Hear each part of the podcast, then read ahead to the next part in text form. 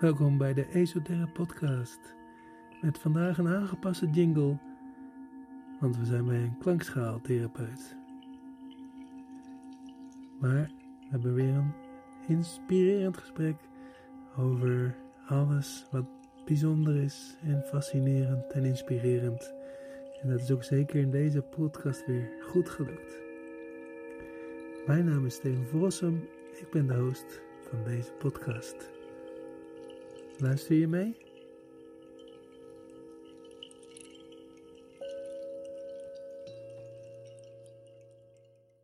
Na 20 jaar ben ik weer waar ik ooit was in de ruimte bij Erik Karsemeijer. En uh, Erik Karsemeijer, wat ik van Erik Karsemeijer ken, is dat hij met klankschalen bezig is, maar hij doet nog veel meer. Dat gaan we allemaal horen, want hij zit hier tegenover mij. Uh, maar we zitten ook in een prachtige ruimte met, uh, nou, ik heb nog nooit zoveel klankschalen gezien. Um, um, Erik, hoe ben jij in de klankschalen verzeild geraakt? Ja, dat is wel een uh, leuk gegeven, een leuk verhaal. Um, van huis uit ben ik slagwerker, eigenlijk percussionist. ik hou me al heel lang bezig met percussie-instrumenten van Zuid-Amerikaanse en Afrikaanse en uh, sinds de klankschalen Aziatische aard. En um, dat kwam eigenlijk omdat ik uh, iemand tegenkwam die uh, boventonen zong. En dat was Danny Becher. Danny Becher is een fantastisch boventoonzanger. Heeft heel veel in India gedaan. En ik kwam hem tegen en hij, uh, ik wilde boventoonzangles. En toen ik bij hem kwam, uh, zag ik dat hij met een uh, soort gouden schaaltjes werkte. En toen dacht ik, hé, hey, die zijn mooi bij mijn instrumentarium als percussionist. Ik koop er drie van hem. En um, gaandeweg werd ik me steeds meer bewust eigenlijk van de klankkwaliteiten van deze instrumenten. En ging ik steeds meer inluisteren in het boventoongebeuren van deze schalen. Ogenschijnlijk uh, hoor je bij zo'n schaal maar één klank, maar als je een beetje getraind oor krijgt, dan blijkt deze klank uit een heleboel laagjes klank te bestaan. En dat vond ik interessant. Wauw, mooi, mooi, mooi. Dus het was, nou ja, mijn eerste ervaring ook met klankschalen. Hè. Ik dacht van nou leuk een uh, kopje, wat, wat kan je erin doen? En toen ontdekte ik dat je geluid kan maken. Dat kan ook op twee manieren, geloof ik. Hè? Maar uh, het is ook een therapievorm, klankschalen. Um, ja. Um, of je klankschaal is tegenwoordig, laat ik zeggen, alom toch behoorlijk bekend in, in de nieuwe tijdswinkels. Um, hebben dingetjes zijn het geworden. Er zijn heel veel slechte producten op de markt die snel en goedkoop in India vervaardigd worden. Um, werkelijk schalen die geschikt zijn voor, laat ik maar zeggen, therapeutische doeleinden, uh, zijn duur. En zijn eigenlijk al in de laatste decennia door verzamelaars opgekocht.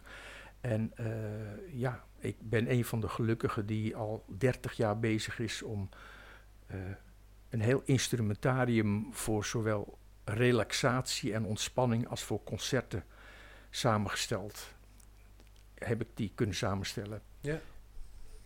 Want um, als we inzoomen op zo'n klankschaal, wat, wat zijn de vereisten? Ik bedoel, uh, het is niet zomaar een schaaltje waar je wat in kan opbergen. Hè? Dus het wordt ook op een bepaalde manier vervaardigd. Wat, wat, zijn de, wat is een klankschaal eigenlijk? Um, van origine komen klankschalen voor in de bakermat in de Himalaya. Um, uh, Voordat de Chinezen binnenvielen, uh, lag de wetenschap van de alchemie, het bij elkaar voegen van metalen, bij de abts van de kloosters. En uh, die waren op de hoogte hoe je bepaalde metalen bij elkaar kon brengen, waardoor ze, zo wordt gezegd, zeven planetaire invloeden in één schaal konden brengen. Dus goud staat voor de zon, zilver voor de maan en zo nog meer metalen voor de ons omringende planeten. En deze schalen werden in Tibet, Nepal en andere grensgebieden gebruikt, zowel in de huishouding om uit te eten en een voedsel in te bereiden, als voor de puja, voor de eredienst. En toen de Chinezen kwamen, die brachten eigenlijk, uh, die kwamen van het platteland en die brachten uh, aardewerk mee en porselein. En, want op grote hoogte in die bergen heb je geen riviermondingen, dus ook geen klei. Dus men maakte alleen maar van deze schalen voor allerlei doeleinden. Wauw.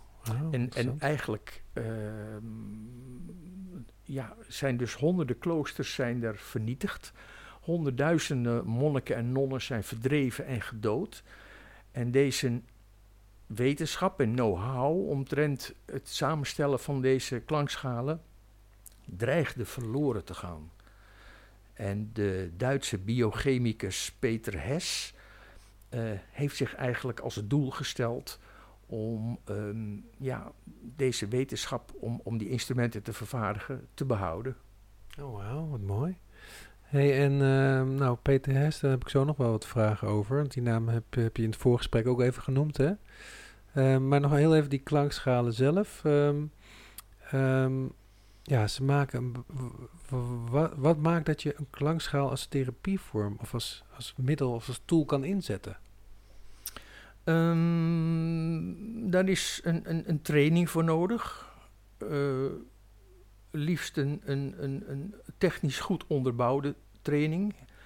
En dan moet ik toch uh, de naam Peter Hess weer noemen, omdat hij mijns inziens de enige is in Europa die een methodiek biedt die uh, uitgaat van bepaalde principes en ook kaders. Hè. Dit is de Peter Hess benadering en dat is het niet. En uh, ja, dat is een beetje een wild gebied in Nederland vooral. Uh, dus naast een technische scholing uh, vind ik ook belangrijk, en daar besteedt men veel aandacht aan in Duitsland, aan een, een, een ja, een menselijke schoning. Je dient ook inzicht te krijgen in je eigen instrument.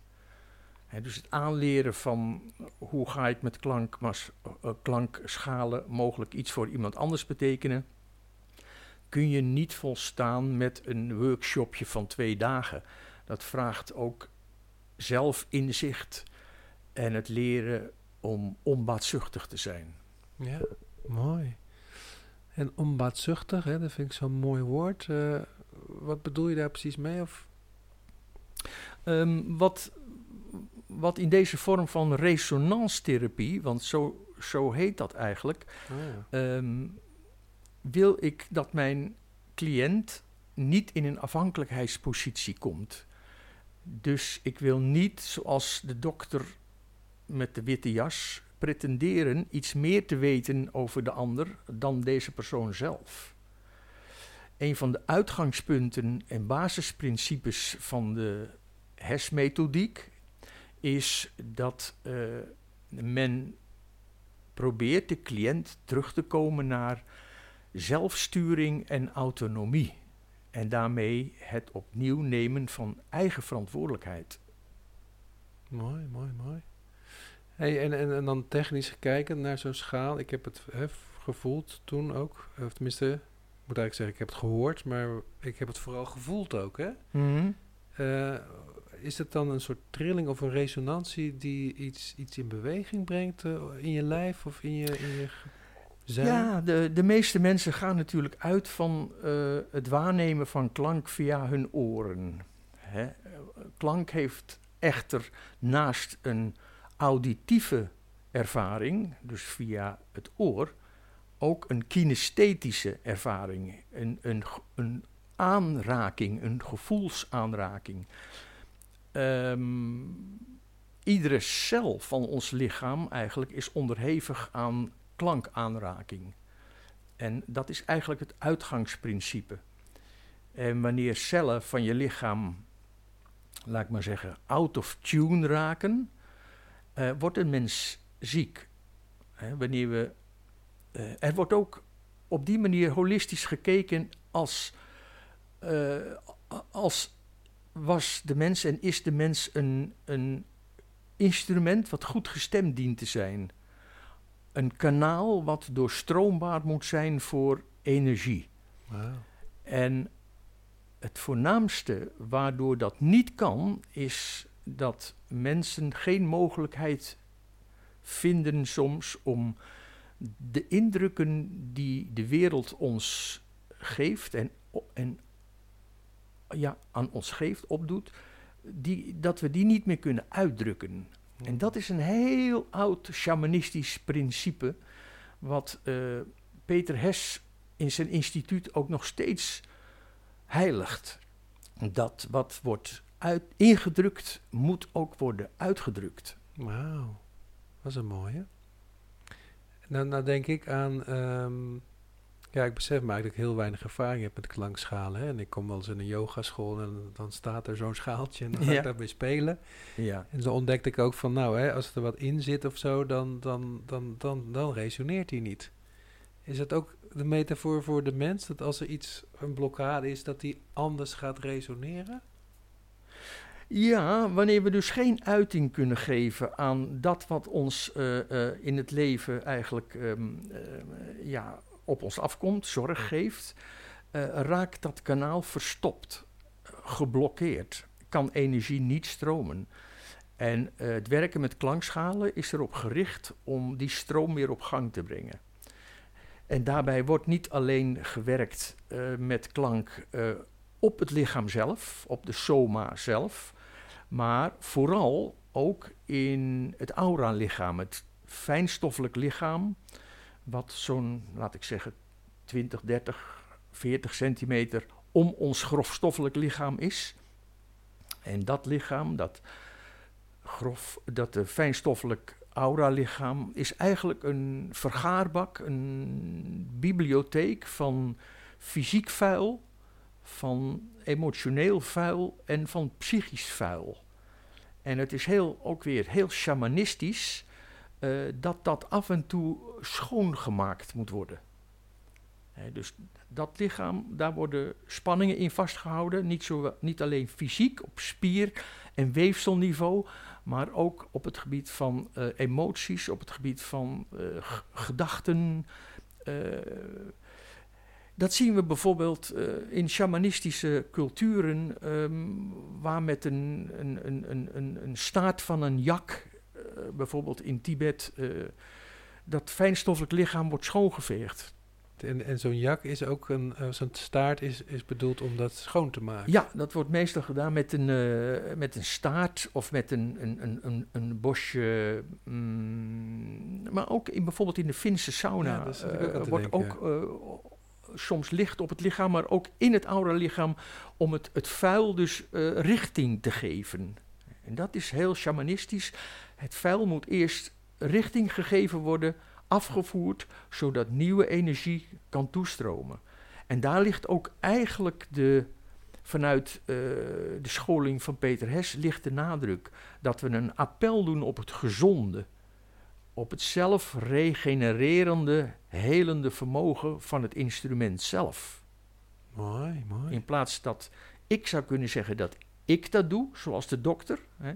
De dokter maakt mij beter. Nee, ik schep voorwaarden als klankmasseur, zodat de wijsheid van dat instrument het kan overnemen. Dat weet best wel heel goed waarmee het mag resoneren. Ja. Iemand komt dan eh, en dan heb jij een heel arsenaal aan schalen. Ga je dan kijken van nou, eh, per chakra moet ik die schaal inzetten of doe je het veel meer intuïtief? Nee, nee. Ehm, ja, er zijn hier wel veel schalen. Ehm, om, omdat ik ook verzamelaar ben van mooie oude schalen, die steeds schaarser worden. Eh, maar ik zet eigenlijk maar een, een drie tot vier schalen in wanneer het gaat om een individuele klankmassage. Ehm, ik maak onderscheid tussen een onderlijfschaal of lendenschaal, een hartschaal of bovenlijfschaal en een gewrichtsschaal eh, voor de hand- en voetreflexzones en om het fijnstoffelijk lichaam eh, te bewerken. Ja. Dus eh, het is niet zo dat wanneer je het over eh, energievelden of chakra's hebt, dat ik daar dan bepaalde schalen voor heb. Ik wil niet zeggen dat dat niet bestaat, maar eh, ik werk daar op, niet op die manier mee. Ehm, omdat wordt uitgegaan dat vanuit deze set van drie of vier schalen het complete spectrum aan frequenties aanwezig is waarmee het lichaam resoneren kan. Zo worden ze ook door eh, Peter Hess gemaakt. Ja. Die schalen die hij maakt volgens de, laat ik zeggen, de, de oude componenten, heeft hij er als biochemisch ingenieur nog vijf componenten aan toegevoegd. En zijn materiaal, zijn schalen bestaan uit twaalf componenten. Oké. En ehm, wanneer die instrumenten klaar zijn, dan worden ze gemeten in, met oscilloscopen. En dan kan men precies zien wat het spectrum aan klank is wat in die schaal aanwezig moet zijn. Is dat niet zo, dan gaat die schaal terug de smeltkroes in. Oh ja.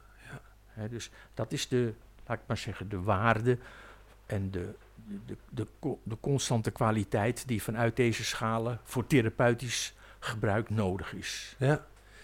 Hey, en, en eh, je hebt hier wat schalen staan inderdaad, hè? En, ehm, maar je hebt ook cd's gemaakt hè, met, eh, met concerten. Ehm, dat resoneren met je lijf, dat is natuurlijk, of tenminste, dat is een vraag, maar ik kan me voorstellen als ik nu live zit, dat ik dat anders ervaar, die schaal, dan als je het zo terug hoort op de, op de opnames. Klopt dat? Of resoneert Ja. dat door? Ehm, de opnames die, die ik heb gemaakt, de cd's die ik uitbreng, eh, zijn in eerste instantie niet geschikt en gemaakt om daar klankmassage mee te bedrijven. Wat niet hoeft in te houden dat je niet aangeraakt zou worden, want dat is wel zo. Maar eh, die bedoeling heb ik niet gehad daarmee. En ehm, ja, ik vind trouwens, daar wilde ik nog even zeggen, het begrip resonance is, is zo'n mooi begrip. Het betekent namelijk gelijk van stemming zijn. En, en dat is heel veelomvattend, weet je wel. De Fransman zegt eh, d'accord. Dat betekent in akkoord zijn. Weet je wel. We zijn gelijk van stemming. Oké, d'accord. Ja. En, en daar gaat het in de resonanstherapie met schalen om. ehm, dat het, het lichaam ook aanvoelt, hier mag en kan ik mee resoneren en met iets anders niet. Dus een cliënt eh, heeft ook de mogelijkheid te signaleren binnen zichzelf een, diff, een diffuus gebied wat, wat niet mag meetrillen. Hm? Ja. En dan is het niet de bedoeling, zoals vanuit de reguliere zorg, om daar met een schaal zo snel mogelijk symptoomgericht iets mee te doen, als wel dat er een beweging op gang gebracht moet worden, boven en onder dat gebied, om het instrument weer doorstroombaar te krijgen. Mag ik eens één eh, zo'n zo'n schaal horen, die middelste bijvoorbeeld? Is die voor je, of welke wil jij laten horen? Sorry, ik zit er heel dwingend te doen. Maar die trekt me het meest aan? Deze trek je het meest aan. Ja. Ja, dit is een vrij grote schaal, een oude schaal, eh, vrij diep. Ik beweeg hem langzaam bij de microfoon, van boven naar beneden.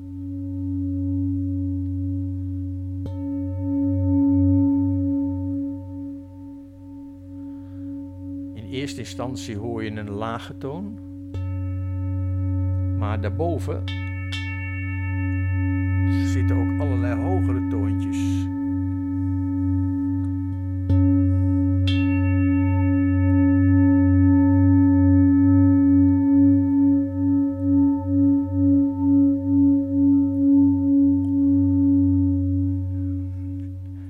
pak ik even een schaal van therapeutische schalen van Hes, van Peter Hes. Super gaaf. Die is nog dieper.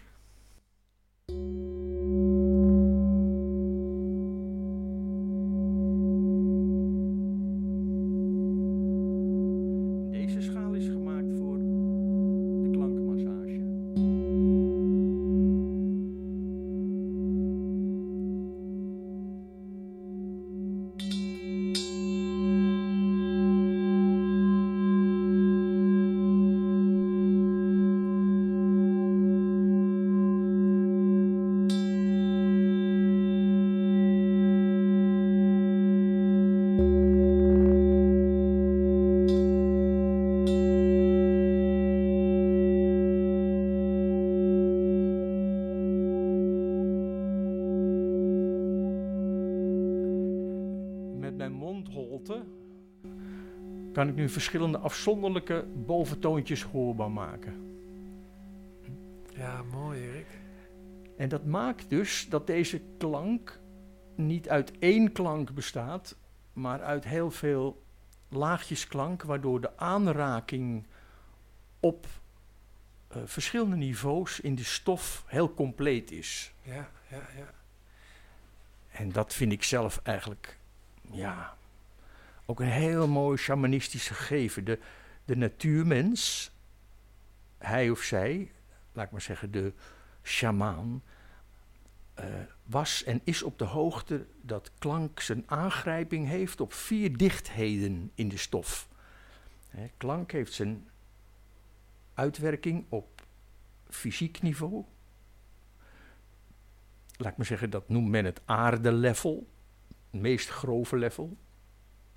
Dat ervaren we als lichamelijke relaxatie of ontspanning. Het heeft zijn aangrijping op het waterniveau, dat is het emotielichaam. Het, geeft ons, het brengt ons in een bepaalde stemming of mood. Het heeft zijn aangrijping op het vuurniveau, het psychisch niveau. Door klank krijgen we bepaalde herinneringen, associaties. En als vierde, het meest ijle luchtniveau. Klank kan ons bewust maken dat wij onderdeel zijn van het grote geheel. En dat de grote kosmische wetten die buiten ons trillen, ook binnen ons trillen. En dan kunnen we ons, wanneer we op die vier niveaus gestemd worden, als schepsel onderdeel voelen van dat wat het geschapen heeft. Ja. Ja. Ja, ik word stil van. Mooi, ja. Wat een mooie theorie zit er allemaal achter zo'n uh, zo'n schaaltje. ja, dat, toen ik eenmaal, laat ik zeggen, deze dingen voor mijzelf een beetje kon kortsluiten. Um, en het grote geheel daarvan kon, kon door, doorvoelen. Uh, ja, toen werd het werk ook steeds interessanter. En, um, uiteindelijk, nou, ik, ik, geef niet veel les meer in deze materie, maar uh, werd ik mij ook steeds meer bewust van het, van het element stilte. En, en dat zijn wij als Westelingen niet zo gewend. Wij, wij denken als we een klankschaal hebben en daar ga ik uh, lekker tegenaan, dan zal die klank die gaat wel iets doen. Die doet iets. Ik kan beter iets doen dan niks doen. En ja, ik ben erachter gekomen dat uh, in feite is klank komt voort uit stilte en klinkt en, en keert terug in stilte. En wat er naar aanleiding van een klankbehandeling, klankinvloed van, uh, van deze schalen op, op de mens is, is niet zozeer de klank die iets doet, maar het terugkeren in de stilte wat een nieuwe ordening geeft. Wauw. Daar ga ik nog even over mijmeren. Ja. Wauw. Dat is een mooie. Het hm. terugkeren naar de stilte.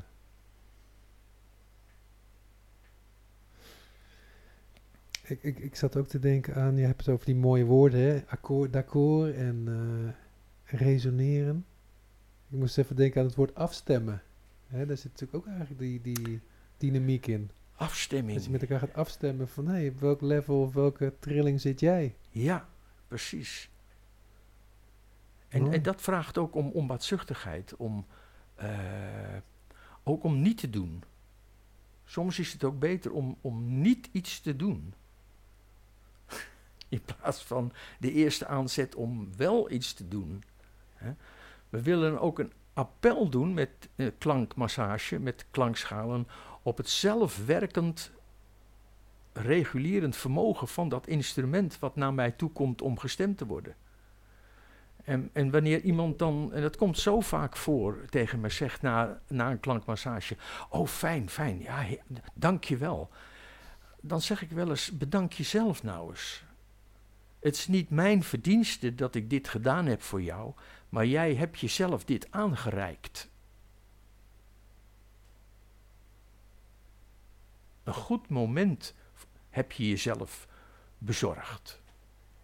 Zeg maar eens dankjewel tegen jezelf. En het is niet, ehm, eh, eh, het is niet ongewoon dat mensen op dat moment, ik zou bijna zeggen, breken. Nou, dat kan. eh, Ik, ik weet de, Een catharsis op gang komt. Want dat hebben ze namelijk nog nooit gedaan. nou, ik zat het net te bedenken. Ik dacht als je het zo zegt, denk ik van wauw. Jezelf bedanken. Ja, Dat is pittig. ja. Maar vraagt eh, daarna eigenlijk ook om het, het, zelf eh, eh, actualiseren van, van de eigen, van de eigen verantwoordelijkheid. Hm? Niet ik heb iets gedaan waardoor jij je beter voelt. Nee, dat heb jij zelf gedaan. En hoe kun je dat de komende tijd vaker en meer doen?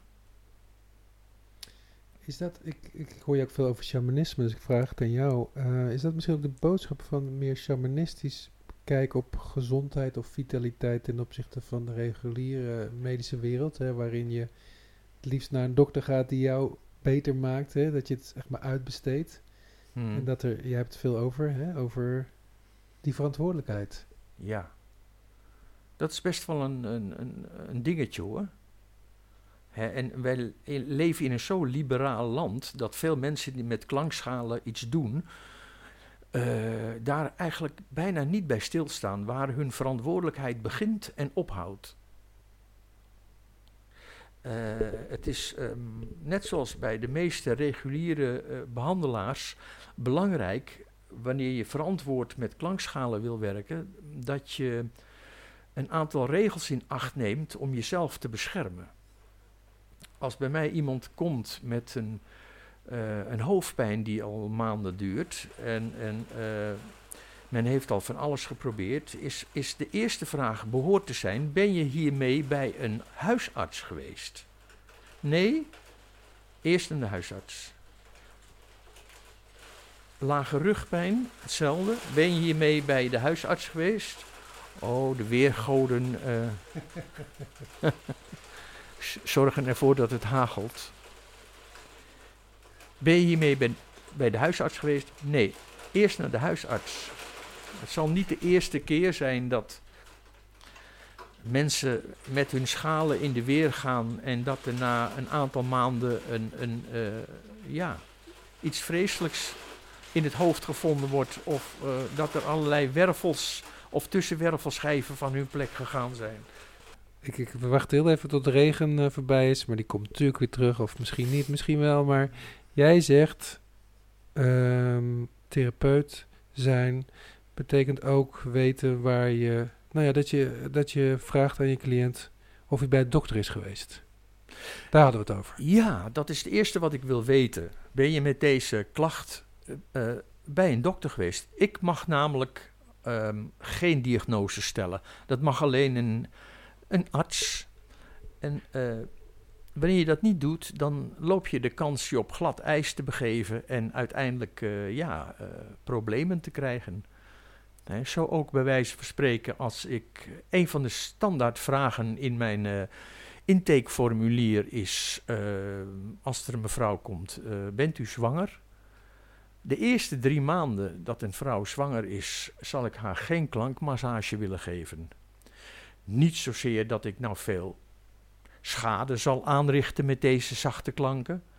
Want eh, zware motoren of enorm zwaar verkeer op de weg zullen waarschijnlijk eh, meer schade geven dan ik met mijn schalen. Maar verliest deze mevrouw ehm, in, in een misgeboorte of een voortijdig afbreken van de zwangerschap de vrucht, dan kan ze wel naar mij wijzen.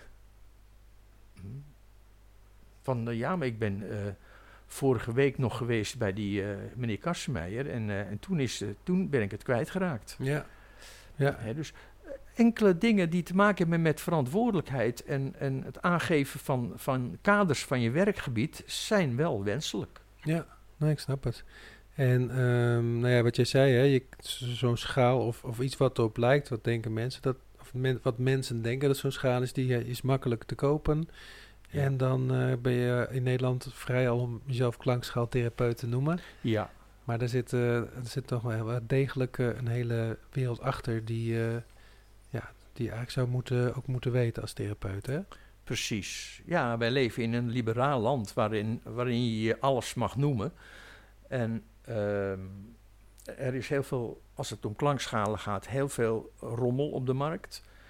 Heel veel magische verhalen doen de ronde.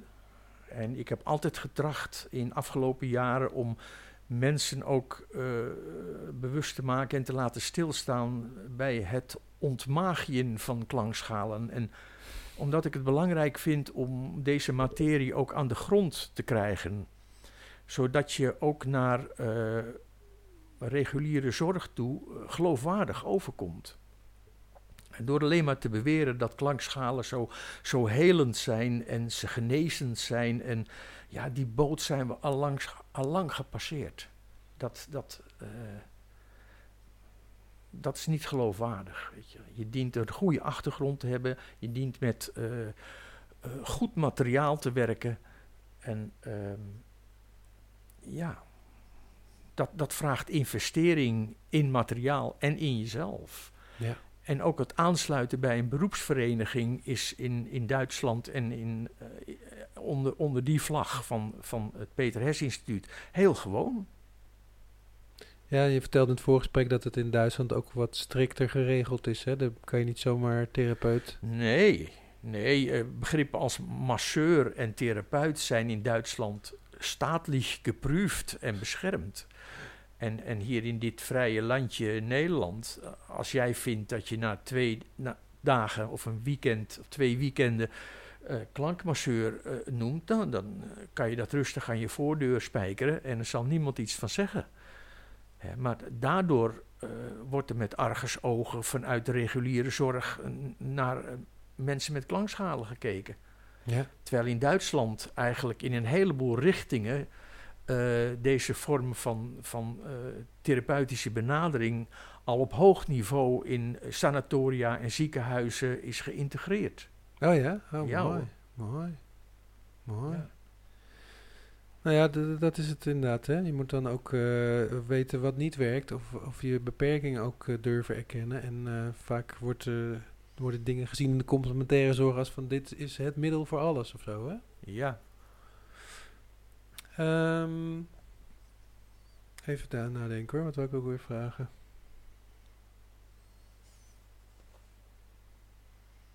Ja. ehm, ik ken het alleen vanuit eh, de, de klankschalen van, denk ik, vanuit Tibet, hè, of uit, vanuit Azië, om het maar even breed te noemen.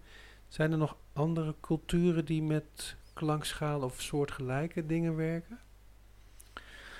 Eh, ja, ja, ja, ja. Veel, een aantal staten in, ehm, in, in India, Noord-India, Assam eh, en, en Sikkim is een land. Eh, Nepal natuurlijk. Er zijn een aantal landen in die, in die regio, ook Japan. Er bestaan ook Japanse klankschalen. Ehm, maar het gebruik van klankschalen van deze instrumenten voor therapeutische doeleinden is eigenlijk mm, ontwikkeld door Peter Hess onder andere eh, om dit soort informatie vanuit shamanistische culturen toegankelijk te maken en werkzaam te maken naar de modern westers levende mens. Ja. Ja. Dat bestaat in die landen op die manier niet. Je Nee. zult niet in, in Tibet zul je klankschalen aantreffen die op die manier gebruikt worden voor een klankmassage. Nee, Dat- precies. Nee, ik, terwijl ik de vraag stelde, dacht ik, misschien moet ik eigenlijk vragen, wordt resonantie nog in andere culturen gebruikt? Hmm. Ja, moeilijke vraag. Wordt resonantie nog op die manier in andere culturen gebruikt? nou ga ik even een heel andere kant op. Wij zijn terechtgekomen in een cultuur waar kreunen uit is. Wij schamen ons voor, om klanken te maken die nodig zijn om een evenwicht te herstellen. Als wij vragen aan het doorsnee mens hier, hoe gaat het met je? Dan krijgen we in de meeste gevallen goed. Ja, nee, ja, nee, met mij gaat het goed hoor. Ja. Maar wij zijn heel erg doorgeschoten daarin dat het met ons wel goed gaat. De verbinding ook met het lichaam wat onder ons hoofd zit, voor een groot deel in de wind te slaan of niet meer te hebben.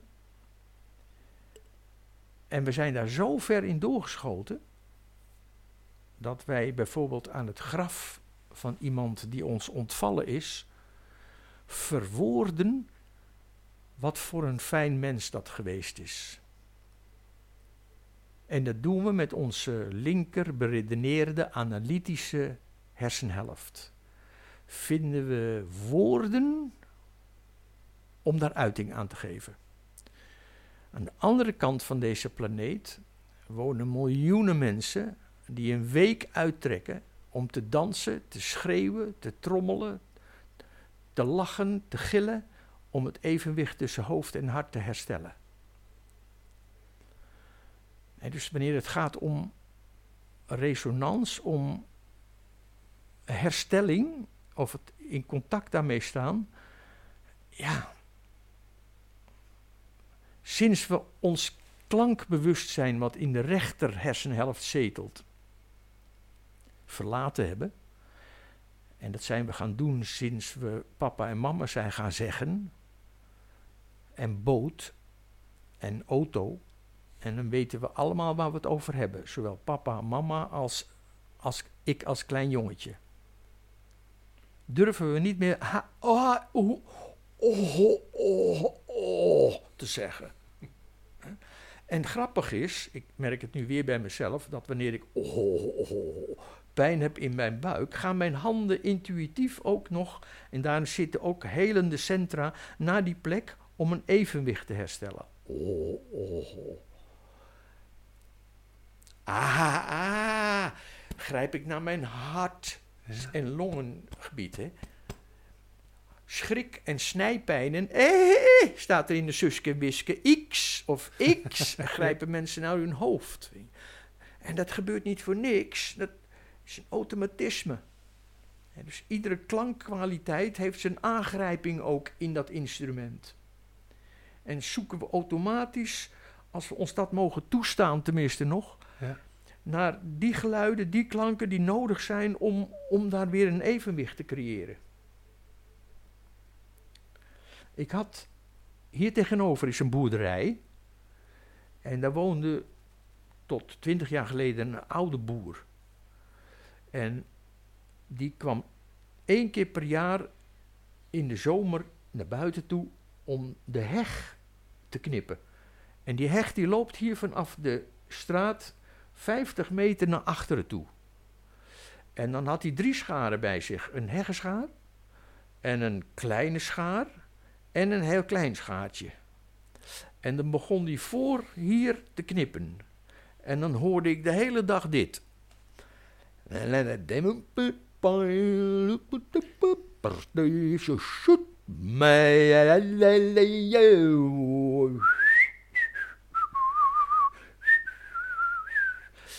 En dat was balsem voor mij, omdat het mengde met de vogeltjes, omdat het uh, zo natuurlijk en spontaan was.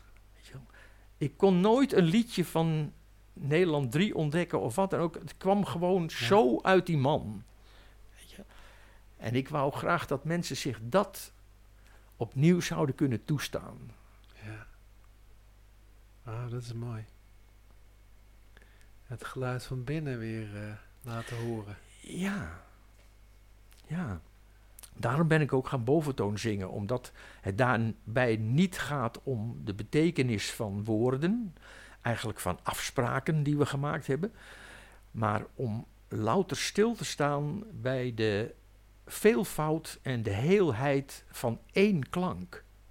En dat is eigenlijk wat deze schalen ook doen. Ogenschijnlijk is het één klank. Maar wanneer je er gevoeliger voor wordt en beter inluistert en je geeft verschillende mogelijkheden tot resonantie, dan hoor je dat het een heel spectrum aan klank is van aanraking. Ja. En wat hier eigenlijk aan ten grondslag ligt, en dat is, ja, dat vind ik een van de mooiste dingen, uh, is, en dat vind je ook in oude geschriften en ook in de Bijbel terug. In de beginnen was het woord. En het woord was klank. En daarna was er een ordening in de stof. Een structuur in de materie. Ja. Daar doe ik het maar mee. Ja. Meer hadden ze niet op moeten schrijven in, in dat boek.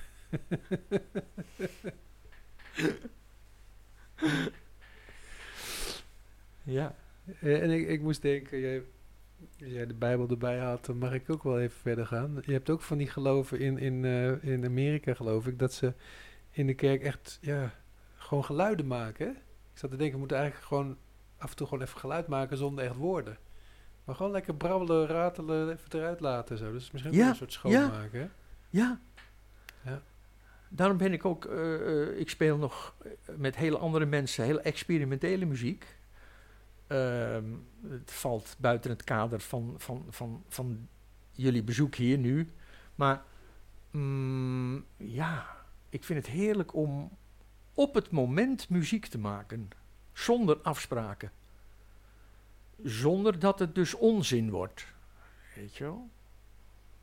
De impro-scene, de mensen die zich oefenen, vanuit BIM-circuit in Amsterdam bijvoorbeeld, zich oefenen om zo aanwezig mogelijk te zijn in het moment en daar zonder afspraken te communiceren met elkaar, met hun instrument. Dat, dat vind ik mooi, dat vind ik een uitdaging ook. Ja, ja, ik snap het helemaal. Dat is ook weer... vandaar, dat het, ja, vandaar dat het, laten we zeggen, als even terug naar de schalen, het, het zoeken van een strategie is niet wat Peter Hers bedoelt te willen. Ehm, ik kan niet zeggen op een gegeven moment, oh heb jij last van je buik, dan ga ik maar eens dit doen. En dan, en dan lijkt me, en dat zo, dan ben ik dus bezig de dokter in de witte jas te zijn en een strategie te bepalen en uit te zetten. En, en dat is niet wat, wat gevraagd wordt. Dat is niet wat van mij gevraagd wordt. Ik wil van mijn cliënt kunnen waarnemen, horen wat er van mij gevraagd wordt. Hmm. En niet, dat is een fragiel moment hè? om daarbij te zijn.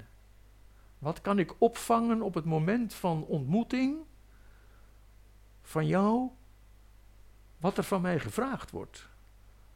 In plaats van dat ik denk wat ik zou moeten zijn op dat moment. dat is een, uh, een lastig gegeven. Ja. Wat noopt naar, ik zou bijna zeggen, nederigheid. Ja. Ja. Ja. Ja. En, en dat is misschien. Nou ja, je hebt het over, hè? Uh, als therapeut heb je echt een gedegen achtergrond en, en kennis en theorie nodig. misschien is het voor sommige mensen soms verwarrend, hè? Aan de andere kant zeg je. Er zijn geen protocollen. Het is niet zo van, nou, met buikpijn doen we dit. Juist niet, hè? Dus je hebt ook een moment dat je die kennis, theorie en kunde ook gaat inzetten. Ja, misschien alleen wel voor, voor weer het afstemmen of het resoneren. Ja, wat, wat onder andere uh, volgens uh, de uh, Duitse Peter Hess methodiek ontwikkeld is, is wel een model.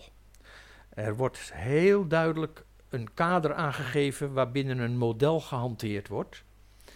ehm, wat proefondervindelijk ook wetenschappelijk eh, onderzocht is. En ehm, daar houd ik mij aan. Eh, en wanneer in goede afstemming kan ik mezelf leren toestaan een stuk gebruik te maken van mijn intuïtie. Het kan mij op een spoor zetten. Maar ik zal altijd later moeten bedenken, wat heeft dat in beweging gezet en wat had ik daarmee voor? In plaats van dat ik alleen maar vaar op, ach, ik doe dat ook zo een beetje daar. Als leraar hield hij ons altijd staande ook en vroeg dan, ho, waar ga je nu heen? Wat heb je nu voor? Weet je wel? En dan moest je van goede huizen komen om het hard te maken van nou, uh, ik, ik, dacht of ik voelde dat, dat, ik dit, dat dit gevraagd werd. Oh ja. Dus het, het protocol reikt zo ver, reikt niet verder dan het model waarin kleine uitstapjes worden toegestaan wanneer je daar toe geroepen voelt. Maar het wel moet ik kunnen onderbouwen. Je zult het altijd moeten kunnen onderbouwen. Ja, maar daar zit er altijd ook een soort gronding in, van, ook van intuïtie, zeg maar. Ja. Dus zo, zo voel ik dat. Mooi. Ja. Terwijl een strategie vaak veel meer te maken heeft van ik ga van A naar B en van B naar C en uiteindelijk kom ik dan daar waar ik zijn wil. Ja. Hm? En dat is in de klankbenadering, klankmassage niet het geval. Ik zal altijd terughoudend moeten zijn, omdat ik. Er, er, er, kan, er kan iets, iets gebeuren, er kan iets terugkomen door mijn klankaanbod, wat ik nooit gedacht had dat ik, dat, dat zou gebeuren. Um, klein voorbeeld. Ik kreeg een keer een uh, mevrouw, even schrapen. ik kreeg een keer een mevrouw en uh, met hevige hoofdpijnen, migraines. En zij was al bij de arts geweest, bij de dokter. Die kon niets vinden.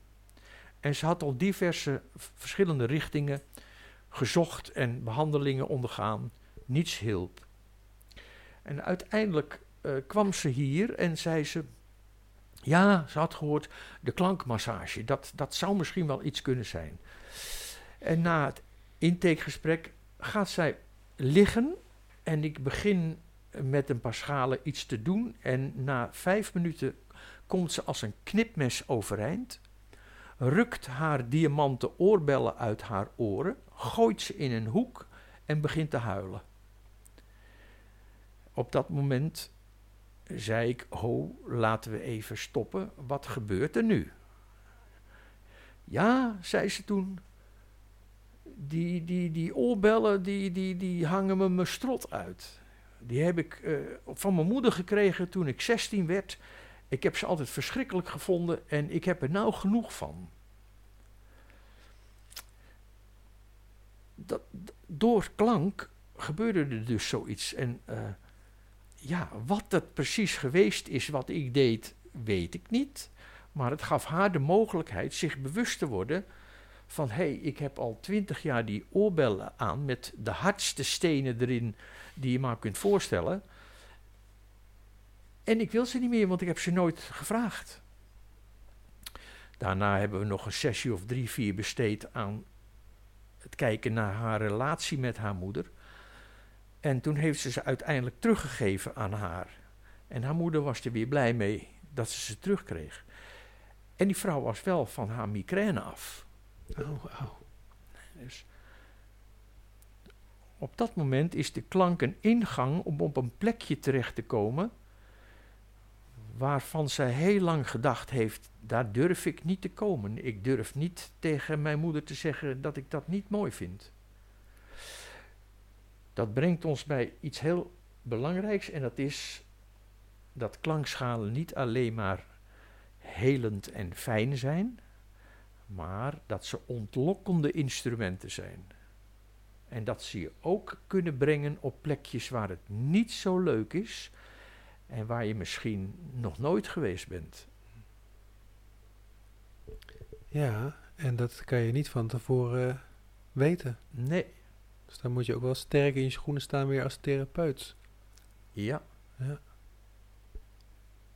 En het is de, die persoon die op een gegeven moment zichzelf opent en sterk genoeg vindt om daar ineens lucht aan te geven. Ja. En dan wordt er een nieuw evenwicht hersteld. Een van mijn leermeesters is Joska Soos, een Hongaarse sjamaan. Hij is een jaar of vijf geleden overleden. En ik heb toen in de zeventiger jaren, tachtiger jaren moet ik zeggen, diverse belangrijke workshops in Amsterdam gevolgd. En ehm, hij werkte ook met schalen, maar heel zijn manier was een harde weg. Je hebt een harde en een zachte weg. En hij, ehm, hij was eigenlijk degene die heeft een boek geschreven dat heet Ik genees niet, maar ik herstel de harmonie.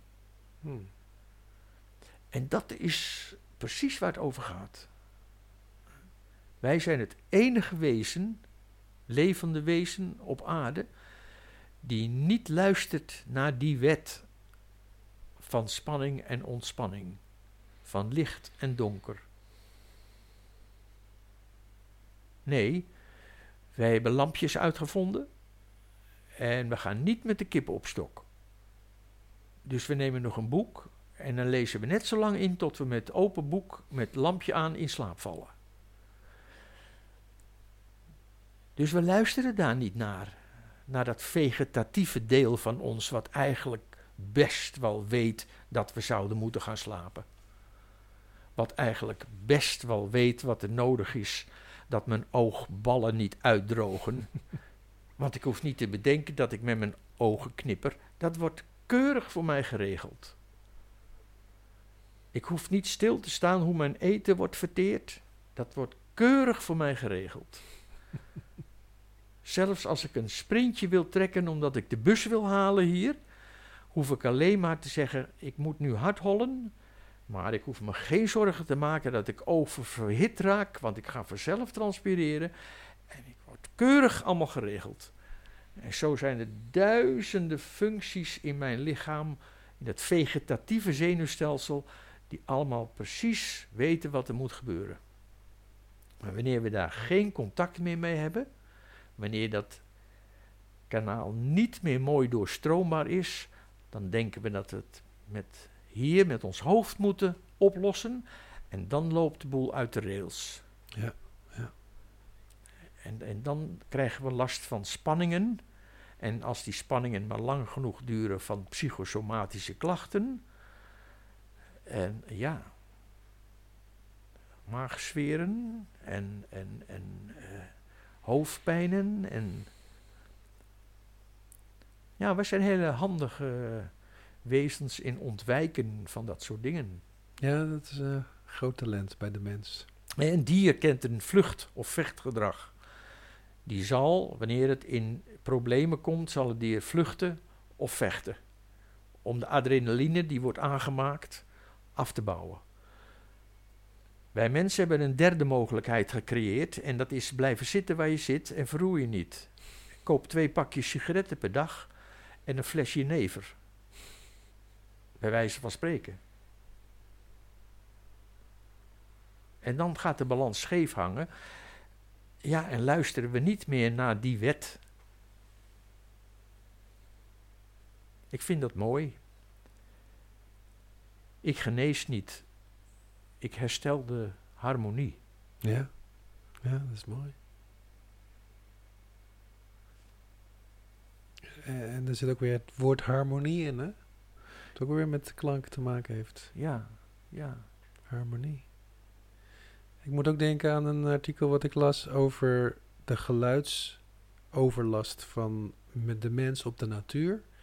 Ik heb eens een onderzoeker die had zeg maar de, het orkest van een, uh, een, uh, een, nou, een meertje, zeg maar, ergens midden in de natuur. Dan hoorde je zeg maar een hele mooie symfonie eigenlijk van, van, van krekels en van kikkers en van vogels. En daar zat ook een, een soort, bijna een soort wiskundig model in. Mm -hmm. En dan kwam er een, een, een, straaljager over en dan duurde het heel lang tot dat weer hersteld was. Ja. En er werd een, een, een, een, een, een, een- verderop een eh, cen- winkelcentrum gebouwd. En dat, dat, dat die hele har- harmonie was verdwenen. Dat is heel erg. Ja, Hier kom je, ik ben blij dat je dit noemt, want hier kom je wel bij de oorsprong van, van iets heel belangrijks. Als geluid, klank aan de oorsprong ligt van de structuur in de materie, dan raak je hier iets heel fundamenteels aan. Ehm, ik noemde net die vier dichtheden van stof waarop klank zijn aangrijping heeft. Hè? Het fysieke, het emotionele, het psychische en het spirituele niveau. Straaljagers, zwaar verkeer. Maar ook deze schalen, als ik hier water in doe en ik sla ze aan, dan zul je zien dat daar een mandala-achtige vorm, een, een trillingspatroon in het water zichtbaar wordt. Er zijn hele mooie filmpjes op YouTube te zien daarover. Ehm, Peter Hess wilde bijvoorbeeld nooit dat je wanneer je eh, met die schalen werkt, dat je met je handen in die schalen komt. Want ook in de lucht ontstaat dat klankpatroon. En hij wil niet dat je dat doorsnijdt met je handen. Er is vastgesteld, spinnen eh, maken, wanneer het stil is, een heel mooi web. Ze maken eerst draadjes die lopen van links naar rechts en van onder naar boven. Dan vanuit het midden gaan ze rondlopen en plakken hun tweede draadje op een bepaald plekje neer op die andere draadjes. Namelijk op de knopen waarop die plaat, waarop die draad niet trilt. Voor mensen die iets van muziek weten, zweving van een snaar bestaat uit buiken en knopen. Hm? Daar waar de snaar dus bol trilt, noemen we een buik. Daar waar die stil staat, knopen. Dus dat spinnetje plakt dat draadje op een knoop, daar waar die draad stilstaat. En dat doet hij wanneer hij niet gestoord wordt. En dan is zijn webje een heel mooi harmonisch gegeven. Wordt hij echter gestoord wanneer het webje hier aan de straatkant is, iedere keer door een bus die langskomt, en ook door de windverplaatsing, maar zeker ook door het geluid, dan kan hij zich niet goed oriënteren waar hij dat tweede draadje moet neer moet plakken aan dat andere draadje. En zal zijn webje dus oneffenheden en gaten vertonen, waardoor hij minder vliegjes vangt. Dat is in het klein wat er gebeurt. Hè? ja. Maar geluidsverontreiniging, hè, onze kranten, onze media staan vol over eh, waterverontreiniging, over luchtverontreiniging, over aardeverontreiniging. Maar het begint nu pas tot ons en onze kinderen door te dringen wat geluidsverontreiniging teweeg gaan brengen. Hè, want we kunnen onze ogen sluiten voor iets wat we niet willen zien of horen. Maar je kunt de cellen van je lichaam niet sluiten voor iets wat je niet wil voelen van geluid. We zijn 24 uur per etmaal onderhevig aan klankaanraking. En stilte wordt schaars. Dat is eigenlijk wat ik signaleer. Heilig de stilte. Veel mensen kunnen dat niet eens meer. Ik heb van mensen gehoord die naar, naar eh, eh, eh, bossen in Zweden en Finland gingen waar een halve meter mos is. Als je je daarin begeeft als wandelaar, daar hoor je niets. En die mensen werden daar bang van. Dat het zo st- vreselijk stil was. Hè? ja, Doodstil. doodstil. ja. Ja, mooi, mooi. Eh, Erik, laatste vraag alweer. Wat maakt een goed therapeut? Wat maakt een goed therapeut?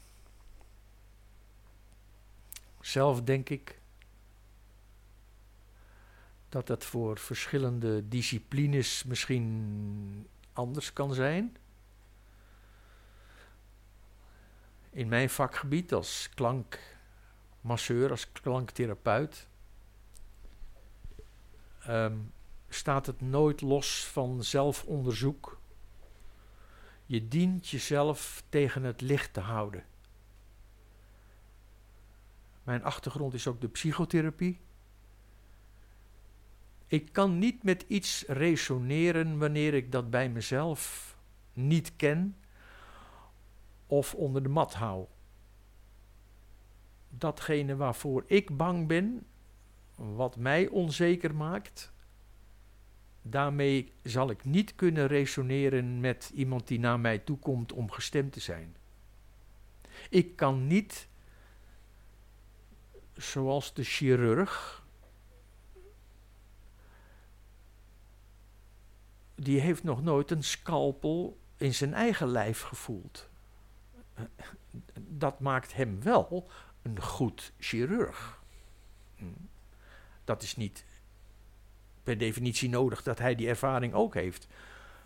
Maar van mij wordt wel verwacht dat ik jaarlijks een paar keer bij een collega dezelfde klankmassage onderga om mijn eigen instrument te eiken. En te kijken en te ervaren, kan ik doorlaatbaar zijn en onbaatzuchtig? Dus op wat betreft de klankmasseur zeg ik, wat is een goed therapeut? Ja, onbaatzuchtig kunnen zijn en doorlaatbaar kunnen zijn, vind ik wel heel belangrijk. En dit naast een, een gedegen training en het beheersen van, van de materie. Dankjewel, Erik. Fijn. Ik dank jou ook.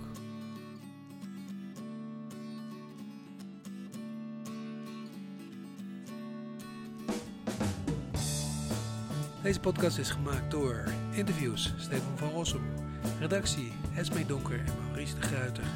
muziek is van Stefan Alexander. Heb je interessante gasten of onderwerpen? Laat het ons weten. Podcast leuk? Vertel het aan andere mensen. En volg ons op Soundcloud, Spotify of iTunes.